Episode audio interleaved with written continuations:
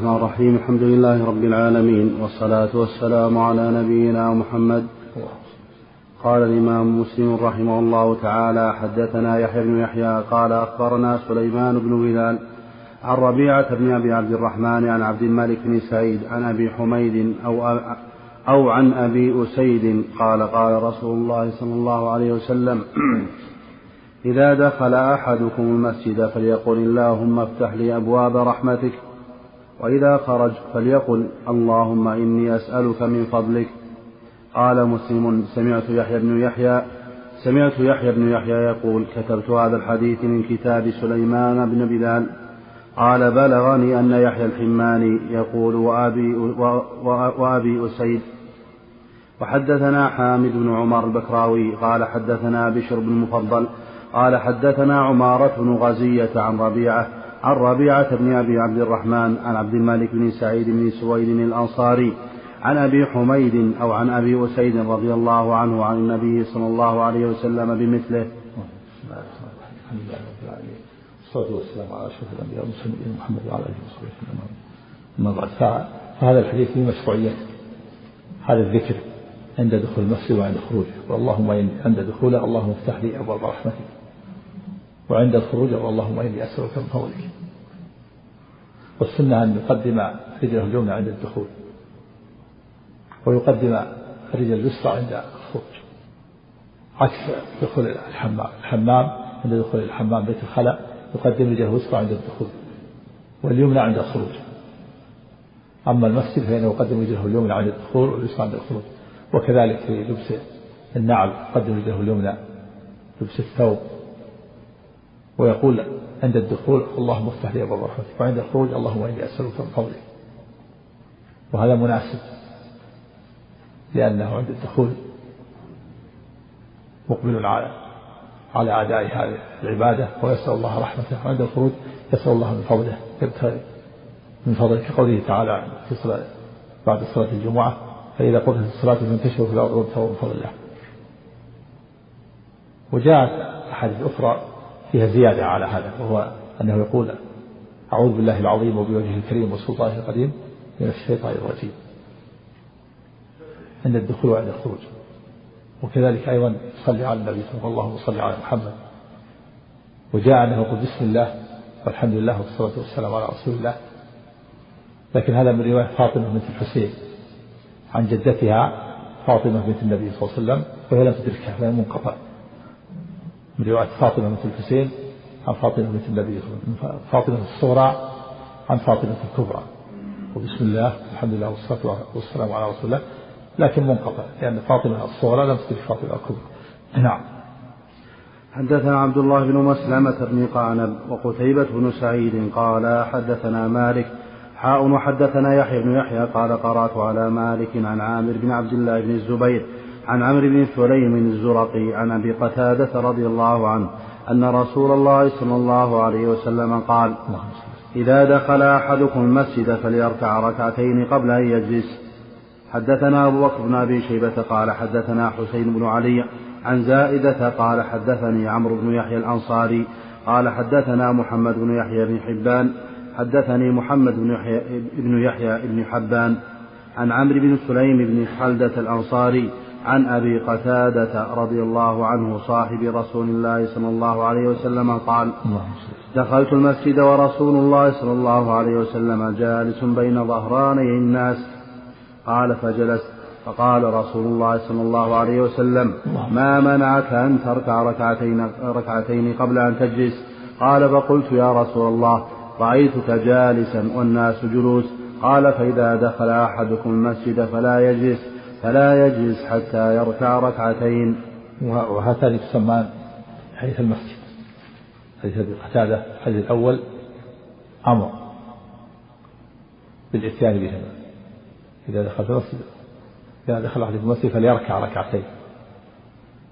والثاني الحديث الثاني نهي عن الجلوس حتى يصليهما فاذا دخل المسجد فلا تجلس حتى يصلي ركعتين. فالأول أمر والثاني نهي. اختلف العلماء. في المراد بهذا الأمر وحكم تحية المسجد. فالجمهور على أن الأمر للاستحباب والنهي للتنزيه. وهما سنة. ذهبوا إلى أنهما سنة. وقالوا أن الصارف للأمر عن الوجوب. سؤال رجل الأعرابي الذي سأل النبي صلى الله عليه وسلم عن الواجبات فأخبره النبي صلى الله عليه وسلم فأخبره النبي صلى الله عليه وسلم بأن عليه في اليوم والليلة خمس صلوات وسأله والزكاة والصيام قال عليه الصيام صيام رمضان. فذكر الحج ثم قال هل علي غيرها؟ قال لا إلا أن تتطوع. قال فقلوا عليه لا إلا أن تطوع هذا صرف الأمر عن الوجوب إلى الاستحباب فالجمهور على أنها مستحبتان وذهب الظاهرية وجماعة إلى أنها إلى أنهما واجبتان. وأنه يجب على الإنسان أن يصلي تحية المسجد في هذا الأمر. وقالوا إن لها إن لهما إن لهما سببا خاص. هو قول قوي. قالوا هذه الصلوات الخمس هذه واجبة في اليوم والليلة فرائض على الجميع. أما هذا واجب له سبب وهو دخول المسجد. والواجب بالسبب غير الواجب مطلقا غير الواجب الصلوات الخمس واجبة فريضة. في اليوم والليلة خمس صلوات اليوم والليلة على كل أحد لكن هناك أسباب إذا وجدت وجب بها واجبات. هذا فدخول المسجد سبب. قالوا فإن إنهما واجبتان. هو قول قوي. وكذلك أيضا صلاة الكسوف. إذا رأيتم ذلك فافزعوا إلى الصلاة. الجمهور على أنها سنة وذهب إلى أنها واجبة. أنه يجب صلاة الكسوف. لأن لها سبب خاص. وصلاة العيد مستحبة أيضا عند الجمهور. والقول الثاني أنها فرض كفاية والقول الثاني أنها فرض عين أنها فرض صلاة العيد فرض السنة فرض سنوي. واختار شيخ الإسلام ابن تيمية رحمه الله. وهو قول قوي لأن لأن النبي صلى الله عليه وسلم أمر بشهودها وأمر بإخراج العواتق وذوات الخدور. فلولا أنها فرض لما أمر بإخراج العواتق وذوات الخدور. نعم. إذا هذه مسألة خلافية إذا دخل المسجد في وقت النهي. كما إذا دخل وقت المسجد بعد صلاة الفجر أو بعد صلاة العصر. اختلف العلماء في هذا في الجمع بين الأحاديث. حديث إذا دخلت المسجد فلا حتى يصلي ركعتين وحديث النهي لا صلاة بعد العصر حتى تغرب الشمس ولا صلاة بعد الفجر حتى تطلع الشمس. فالجمهور قدموا حديث النهي. وقالوا إنها أصح وأكثر. وقالوا يجلس ولا يفعل. وقال آخر من أهل العلم تخصص حديث النهي بأحاديث بأحاديث التي لها سبب. حديث النهي مخصص تخصصه فيصلي ركعتين لأن لها سبب. أما ما ليس له سبب فلا. تحية المسجد سبب. تخصص حديث النهي. ومثله أيضا سنة الوضوء ومثل ركعتي الطواف في المسجد الحرام ومثل صلاة الجنازة وصلاة الكسوف صلاة لها أسباب. قالوا والدليل على أنها تفعل تحية المسجد أن أحاديث النهي دخلها تخصيص.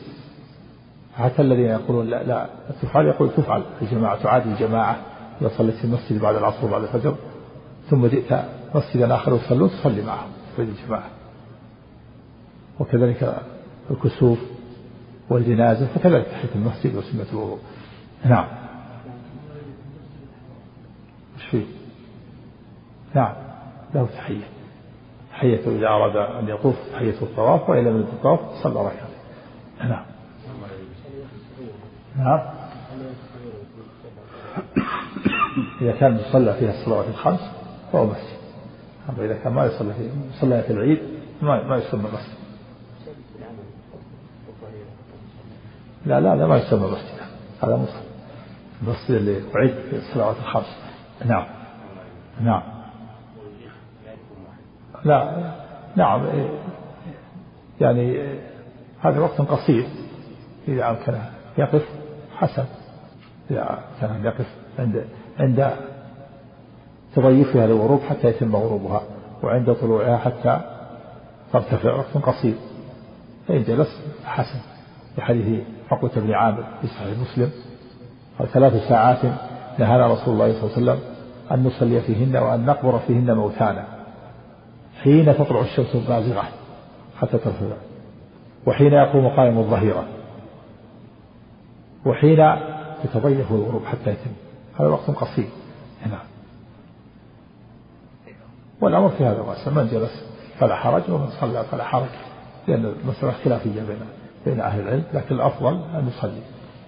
قال إن إن وقف فلا بأس وإن شق عليه وصلى فلا حرج. نعم.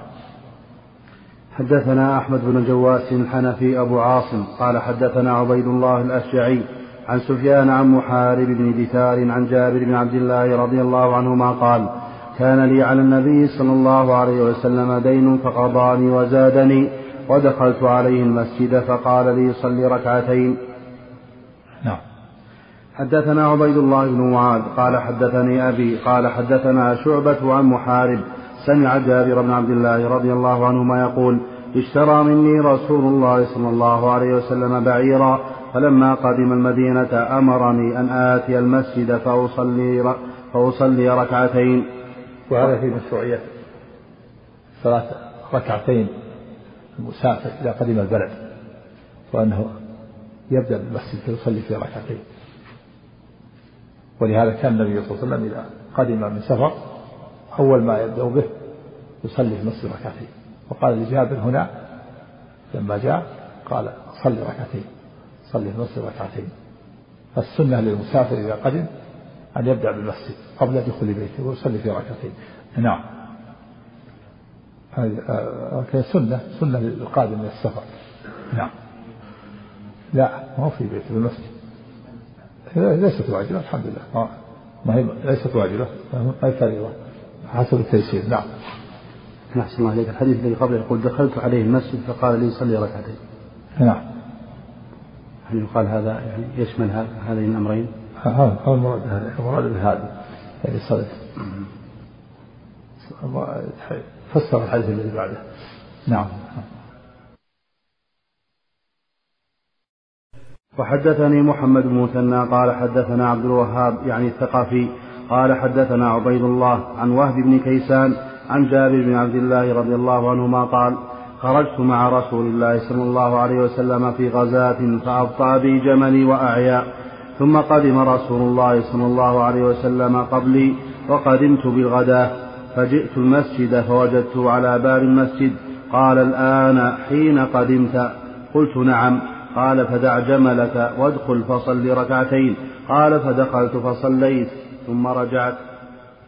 حدثنا محمد بن مثنى قال حدثنا الضحاك يعني أبا عاصم حاء وحدثني محمود بن غيلان. قال حدثنا عبد الرزاق قال جميعا أخبرنا ابن جريج. قال أخبرني ابن شهاب أن عبد الرحمن بن عبد الله بن كعب بن كعب أخبره عن, عن أخبره عن أبيه عبد الله بن كعب وعن عمه عبيد وعن عمه عبيد الله بن كعب عن كعب بن مالك رضي الله عنه أن رسول الله صلى الله عليه وسلم كان لا يقدم من سفر إلا نهارا في الضحى فإذا قدم بدا بالمسجد فصلى فيه ركعتين ثم جلس فيه وحدثنا يحيى بن يحيى قال أخبرنا يزيد بن زريع عن سعيد الجريري عن عبد الله بن شقيق قال قلت لعائشة رضي الله عنها هل كان النبي صلى الله عليه وسلم يصلي الضحى؟ قالت لا إلا أن يجيء من مغيبه. وحدثنا عبيد الله بن معاذ قال حدثني أبي قال حدثنا كهمس بن الحسن حدثنا كهمس بن الحسن القيسي عن عبد الله بن شقيق قال قلت لعائشة رضي الله عنها أكان النبي صلى الله عليه وسلم يصلي الضحى؟ قالت لا إلا يجيء من مغيبه. حدثنا يحيى بن يحيى قال قرأت على مالك عن ابن شهاب عن عروة عن عائشة رضي الله عنها أنها قالت ما رأيت رسول الله صلى الله عليه وسلم يصلي سبحة الضحى قط وإني لأسبحها وإن ك... يعني السبحة يعني السنة سنة الضحى. وإني لأسبحها يعني لأصليها نعم. وإن كان رسول الله صلى الله عليه وسلم لا يدع العمل وهو يحب أن يعمل به خشية أن يعمل به الناس فيفرض عليهم.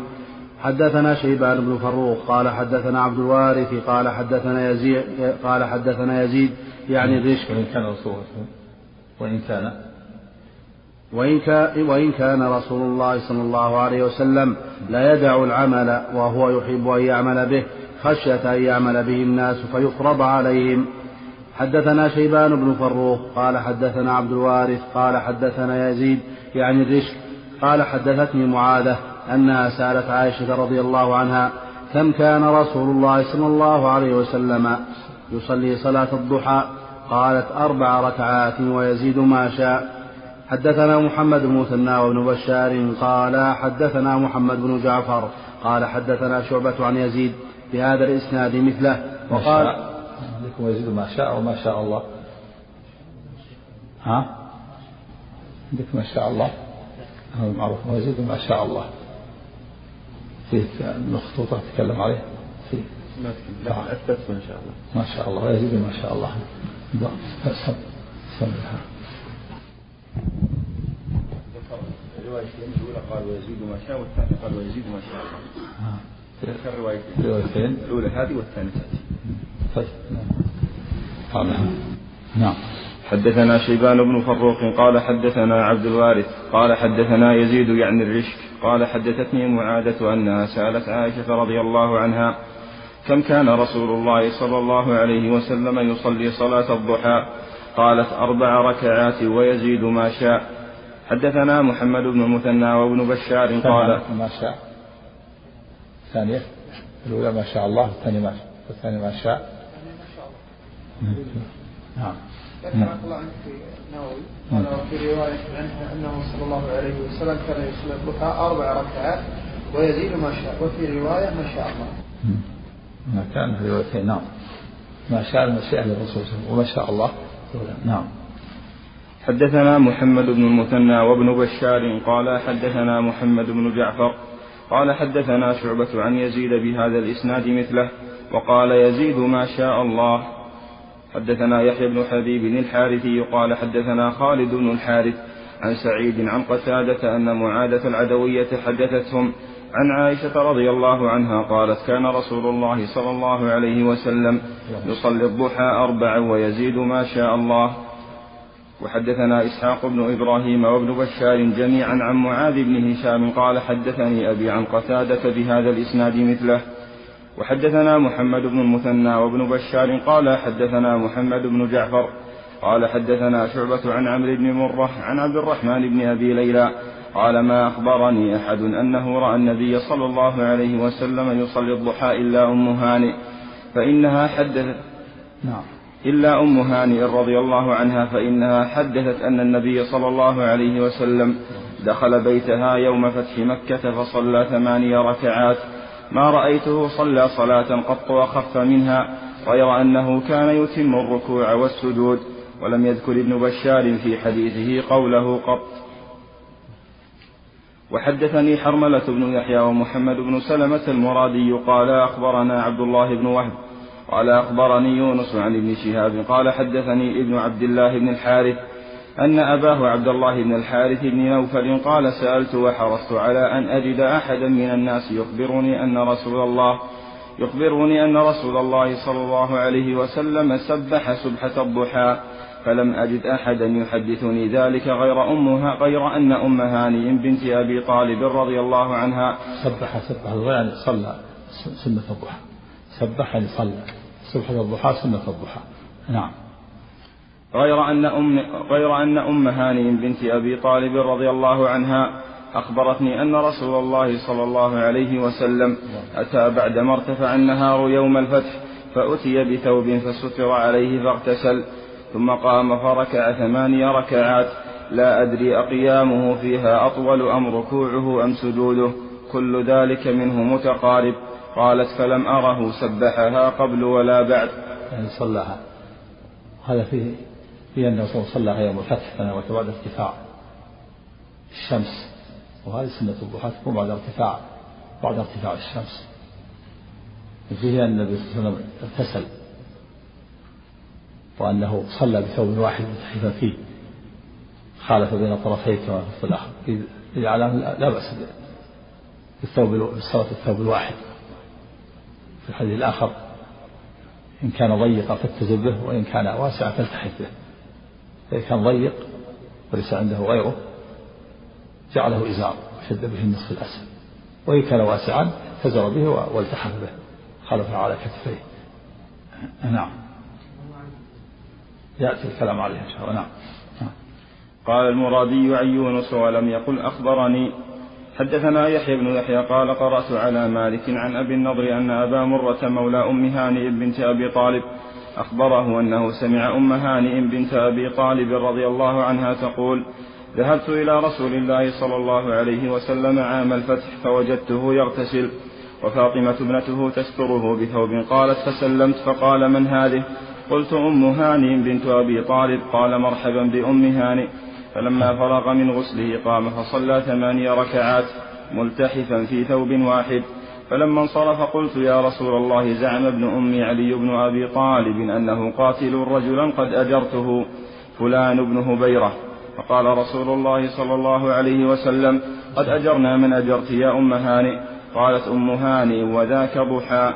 نعم وفيه فيه لا أنه لا بأس بتكنية الإنسان بكنيته قالت أم هانئ لا بأس أن يقول أبو فلان أو أم فلان.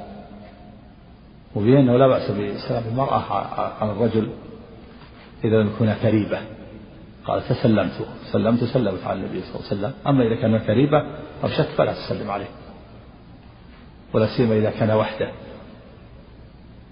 لكن لو جاءت وسلمت بصوت عادي على جماعة أو من أقاربها لا بأس من دون مصافحة وسلم. باللفظ وفيه أن قول النبي صلى الله عليه وسلم مرحبا رد السلام وقال مرحبا بأم هانئ ترحيب فيه ترحيب بالقادم بعد السلام. ولهذا قال سلمت عليه أن رد عليه السلام ثم قال مرحبا بأم هانئ يعني جئت على الرحب والسعة. وفيه أنه لا بأس بكلام المرأة مع الرجل وسؤالها إياه. ولا سيما إذا كانت محتاجة أو مستفتية أو محتاجة للبيع والشراء إذا لم يكون كريبة وكان الصوت عادي ليس فيه خضوع. أما الخضوع لا يطمع الفاسق فيها. قال تعالى فلا تخضعن بقول فيطمع الذي في قلبه مرض. وما زالت النساء على أن تسأل النبي صلى الله عليه وسلم الصحابة. قال أم هانئ سلمت وسألت النبي صلى الله عليه وسلم وقال زعم ابن أمي وهو علي بن أبي طالب وهو أخوها لأمها وأبيها. لكن هذا من باب بيان صلة الرحم كما قال موسى كما قال هارون عليه الصلاة والسلام يا ابن أم لموسى لا تأخذ بلحيتي ولا برأسي من باب الاستعطاف وهو أخو لأبيه وأمه. قالت يا رسول الله زعم ابن أمي يعني علي بن أبي طالب أنه قاتل رجل أجرته فقال قد أجرنا ما أجرت يا أم هانئ في دليل على صحة إجارة المرأة. وأن المرأة لا لا بأس إذا أجارت رجلا فلا يكفر جوارها. وكذلك العبد له أن يجير ويدل على قول النبي صلى الله عليه وسلم ذمة المسلمين واحدة. هذه الآخر يسعى بها أدناهم. ذمة المسلمين واحدة يسعى بها أدناهم. نعم. حدثنا حجاج بن الشاعر قال حدثنا معل بن أسد قال حدثنا وهيب بن خالد عن جعفر بن محمد عن أبيه عن أبي مرة مولى عقيل عن أم هانئ رضي الله عنها أن رسول الله صلى الله عليه وسلم صلى في بيتها عام الفتح ثماني ركعات في ثوب واحد قد خالف بين طرفيه. مولى عقيل؟ مولى عقيل. بالفتح؟ فتحها الله ها؟ نعم. ما تكلم عليه. ها؟ ها؟ مولى عقيل؟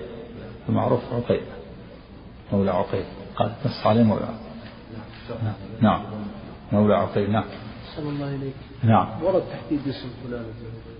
ها؟ اسمه اسم من؟ يقول فلان بن هبيل. يعني ما ما ذكر الاسم ما ذكره الضابط ما ذكره لأسباب نعم. ها إيه.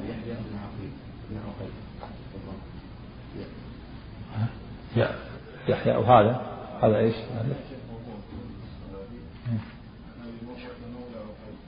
تقريب موجود هذا المعروف. نعم شوف. معروف بالضم نعم. نعم. حدثنا عبد الله بن محمد بن أسماء الضبعي قال حدثنا مهدي وهو ابن ميمون. قال حدثنا واصل مولى, مولى أبي عيينة عن يحيى بن عقيل عن يحيى بن يعمر عن أبي الأسود الدؤلي عن أبي ذر رضي الله عنه عن النبي صلى الله عليه وسلم أنه قال يصبح على كل سلامة من أحدكم صدقة فكل تسبيحة صدقة وكل تحميدة صدقة وكل تهليلة صدقة وكل تكبيرة صدقة وأمر بالمعروف صدقة ونهي عن المنكر صدقة ويجزئ من ذلك ركعتان يركعهما يركعهما من الضحى. هذا الدرر نعم.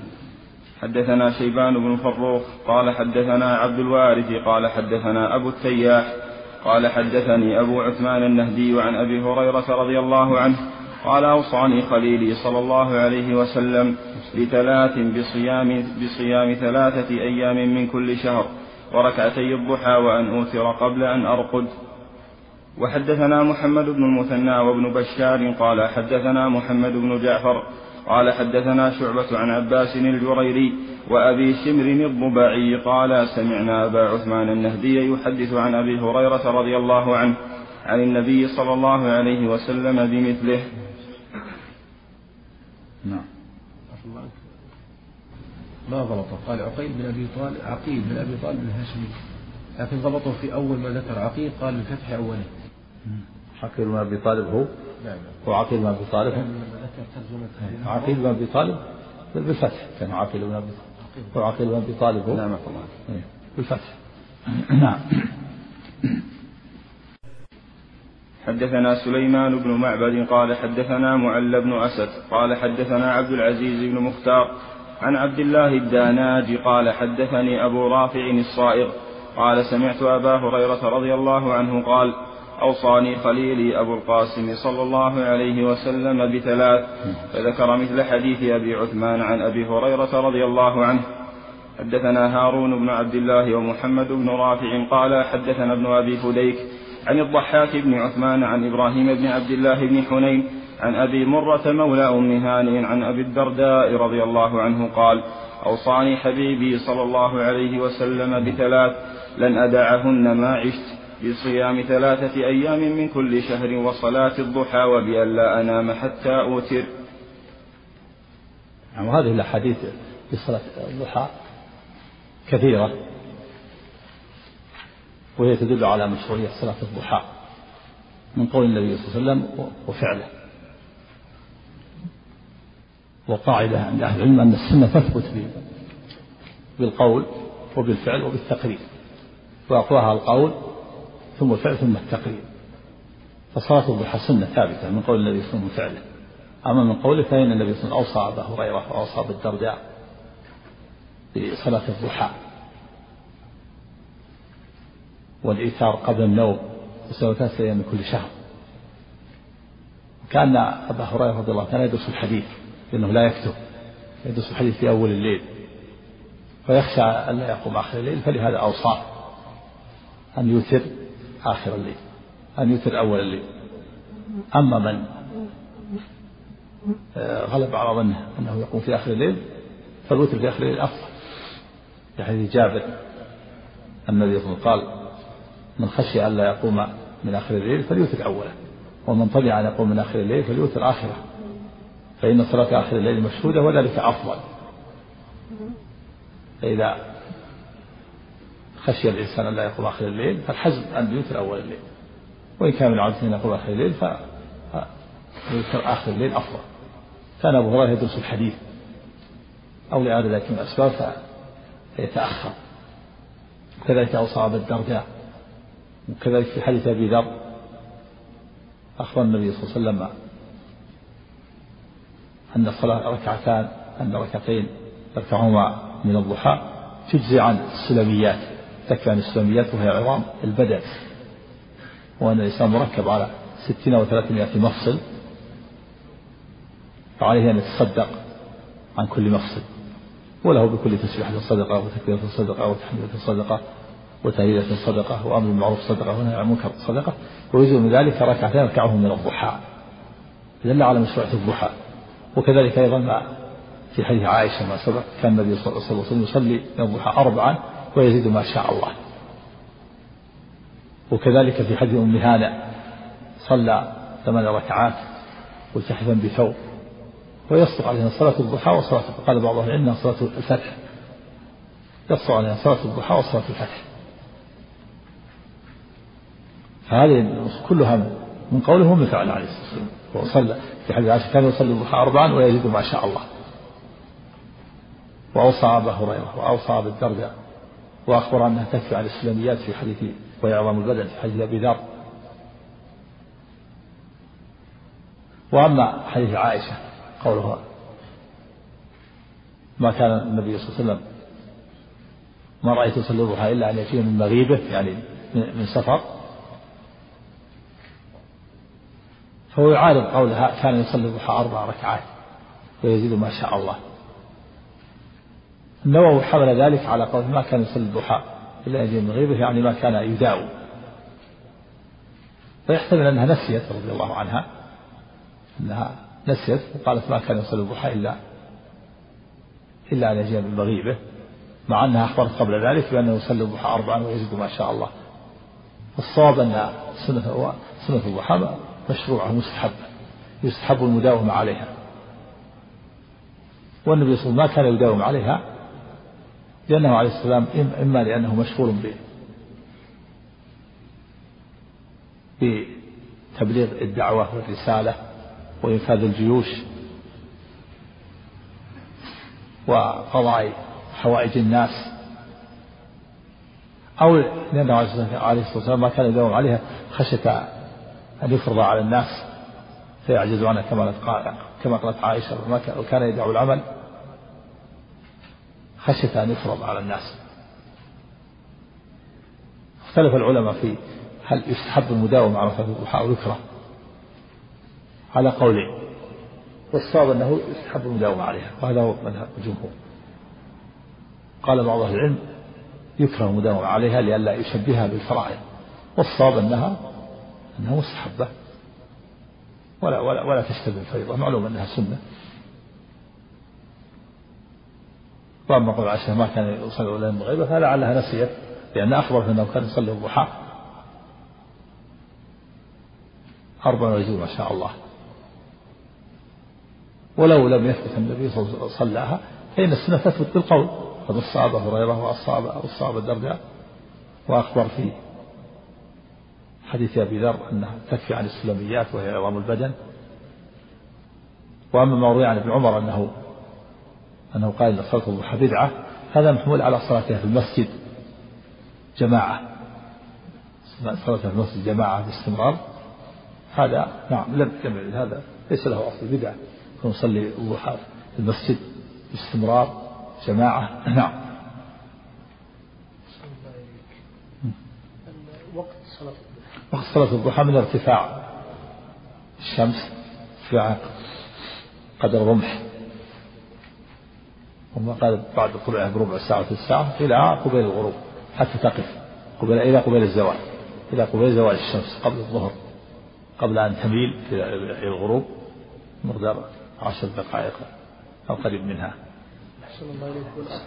نعم و... ولا وأقلها ركعتان. أقلها ركعتان ولا حد لأكثرها قل النووي إن أكثرها ثمان ركعات أقلها ركعتان وأكثرها ثمان ركعات وأوسطها أربعة أو ستة. ليس له حد الصوم ليس له حد محدد الله إليك. وأفضلها. ها؟ وأفضلها. الأفضل حين ترمض الفصال. حين تشتد الحرارة. قالوا الساعة تسع أو عشر هذا عند اشتداد ارتفاع النهار واشتداد حرارة الشمس. ترمض الفصال الفصال جاء مفصله هو ولد الناقة. ترمضه الفصال تصيب حرارة الرمضة. اشتدت فيقوم. نعم. أحسن الله هل المقصود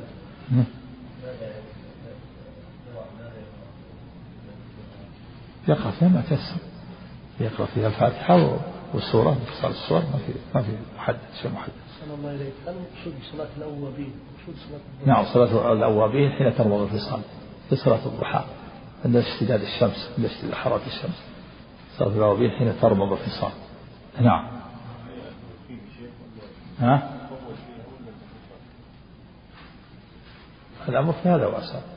ما, ما يطول فيه مثل ليست مثل صلاة الليل. نعم. نعم. حدثنا يحيى بن يحيى قال قرأت على مالك عن نافع عن ابن عمر رضي الله عنهما أن حفصة أم المؤمنين رضي الله عنها أخبرت أن رسول الله صلى الله عليه وسلم كان إذا سكت المؤذن من الأذان لصلاة الصبح وبدأ الصبح ركع ركعتين خفيفتين قبل أن تقام الصلاة. وهي سنة الفجر. وهو ما آكد السنن الرواتب. كان إذا سكت المؤذن وبدأ الصبح. لابد من طلوع الفجر تحقق من طلوع الفجر. بعد الأذان وبعد بعد طلوع الفجر وتحقق انشقاق الفجر صلي ركعتين خفيفتين. والأفضل يصليهما في بيته ولا سيما إذا كان إماما. وإن في المسجد فلا حرج. نعم. وحدثنا يحيى بن يحيى وقتيبة وابن رمح عن الليث بن سعد حاء وحدثني زهير بن حرب وعبيد الله بن سعيد قال حدثنا يحيى عن عبيد الله حاء وحدثني زهير بن حرب قال حدثنا إسماعيل عن أيوب كلهم عن نافع بهذا الإسناد كما قال مالك نعم. وحدثني أحمد بن عبد الله بن الحكم قال حدثنا محمد بن جعفر قال حدثنا شعبة عن زيد بن محمد قال سمعت نافعا يحدث عن ابن عمر رضي الله عنهما عن حفصة رضي الله عنها قالت كان رسول الله صلى الله عليه وسلم إذا طلع الفجر لا يصلي إلا ركعتين خفيفتين. نعم. وحدثناه إسحاق بن إبراهيم قال أخبرنا النضر قال حدثنا شعبة بهذا الإسناد مثله. حدثنا محمد بن عباد قال حدثنا سفيان عن عمرو عن الزهري عن سالم عن أبيه رضي الله عنهما قال أخبرتني حفصة رضي الله عنها أن النبي صلى الله عليه وسلم كان إذا أضاء له الفجر صلى ركعتين. حدثنا عمرو الناقل قال حدثنا عبدة بن سليمان قال حدثنا هشام بن عروة عن أبيه عن عائشة رضي الله عنها قالت كان رسول الله صلى الله عليه وسلم يصلي ركعتي الفجر إذا سمع الأذان ويخففهما. نعم في مسألة تخفيفهما ولكن بعد طلوع الفجر وفيه أنه لا يصلى بعد طلوع الفجر إلا ركعتي الفجر والفريضة. كما في هذا لا يصلي إلا ركعتي الفجر نعم. وحدثنيه علي بن حجر قال حدثنا علي يعني ابن مسر حاء وحدثناه أبو كريب قال حدثنا أبو أسامة حاء وحدثناه أبو بكر وأبو كريب وابن نمير عن عبد الله بن نمير. حاء وحدثناه عمرو الناقد قال حدثنا وكيع كلهم عن هشام بهذا الإسناد. وفي حديث أبي أسامة إذا طلع الفجر. وحدثناه محمد بن المثنى قال حدثنا ابن أبي عدي عن هشام عن يحيى عن أبي سلمة. عن عائشة رضي الله عنها أن نبي الله صلى الله عليه وسلم كان يصلي ركعتين بين النداء والإقامة من صلاة الصبح. وحدثنا محمد بن المثنى قال حدثنا عبد الوهاب قال سمعت يحيى بن سعيد قال أخبرني محمد بن عبد الرحمن أنه سمع أنه سمع عمرة تحدث عن عائشة رضي الله عنها أنها كانت تقول كان رسول الله صلى الله عليه وسلم يصلي ركعتي الفجر. فيخفف حتى إني لا أقول هل قرأ فيهما بأم القرآن. حدثنا عبيد الله بن معاذ قال حدثنا أبي قال حدثنا شعبة عن محمد بن عبد الرحمن الأنصاري سمع عمرة بنت عبد الرحمن عن عائشة رضي الله عنها قالت كان رسول الله صلى الله عليه وسلم إذا طلع الفجر صلى ركعتين. أقول هل يقرأ فيهما بفاتحة الكتاب؟ يعني من شدة ما يخففهما. نعم. وحدثني زهير بن حرب قال حدثنا يحيى بن سعيد عن ابن جريج قال حدثني عطاء عن عبيد بن عمير عن عائشة رضي الله عنها أن النبي صلى الله عليه وسلم لم يكن على شيء من النوافل أشد معاهدة منه على ركعتين قبل الصبح. دل على أنهما أهم الرواتب نعم. وحدثنا أبو بكر بن أبي شيبة وابن نمير جميعا عن حفص بن غياث قال ابن نمير حدثنا حفص عن ابن جريج عن عطاء عن عبيد بن عمير عن عائشة رضي الله عنها قالت ما رأيت رسول الله صلى الله عليه وسلم في شيء من النوافل أسرع منه إلى الركعتين قبل الفجر. حدثنا محمد بن عبيد الغبري قال حدثنا أبو عوانة عن قتادة عن زرارة بن أوفى عن سعد بن هشام عن عائشة رضي الله عنها عن النبي صلى الله عليه وسلم. قال ركعتا الفجر خير من الدنيا وما فيها.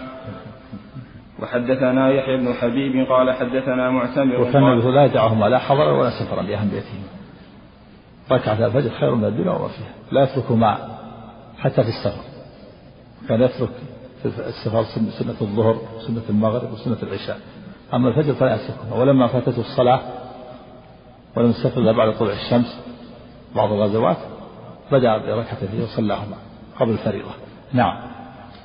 وحدثنا يحيى بن حبيب قال حدثنا معتمر قال قال أبي حدثنا قتادة عن زرارة عن سعد بن هشام عن عائشة رضي الله عنها عن النبي صلى الله عليه وسلم أنه قال أنه قال في شأن الركعتين عند طلوع الفجر لهما أحب إلي من الدنيا جميعا.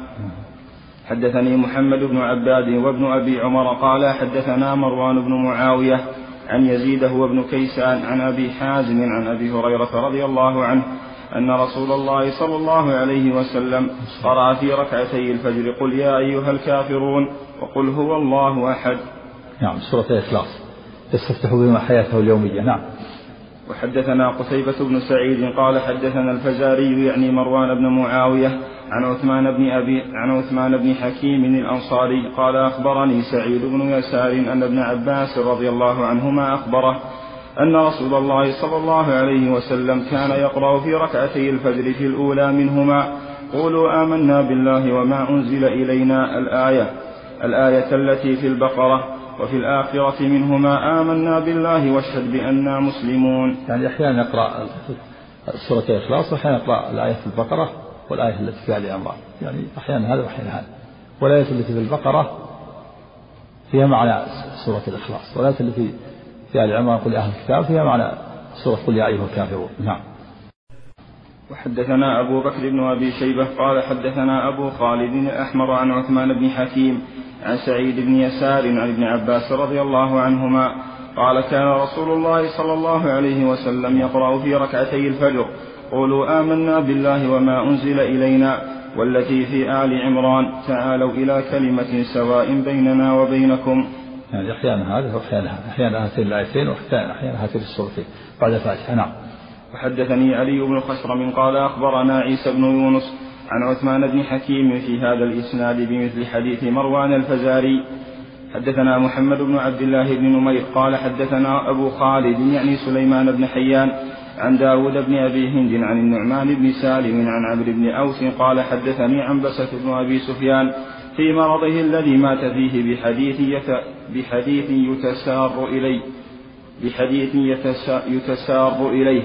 قال سمعت أم حبيبة رضي الله عنها تقول بس على حديث أم حبيبة. سم.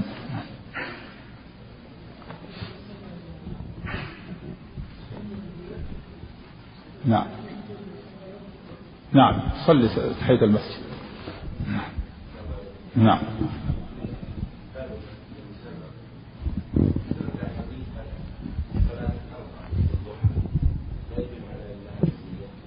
نعم ما ما في تحليل. لكن هذا هذا اللي يعني وقع منه هذا ما في تحديد نعم. حث النبي حث على الضحى ولم يحدد. نعم. ها؟ نعم. ليلا أو نهارا تصلي في المسجد. نعم.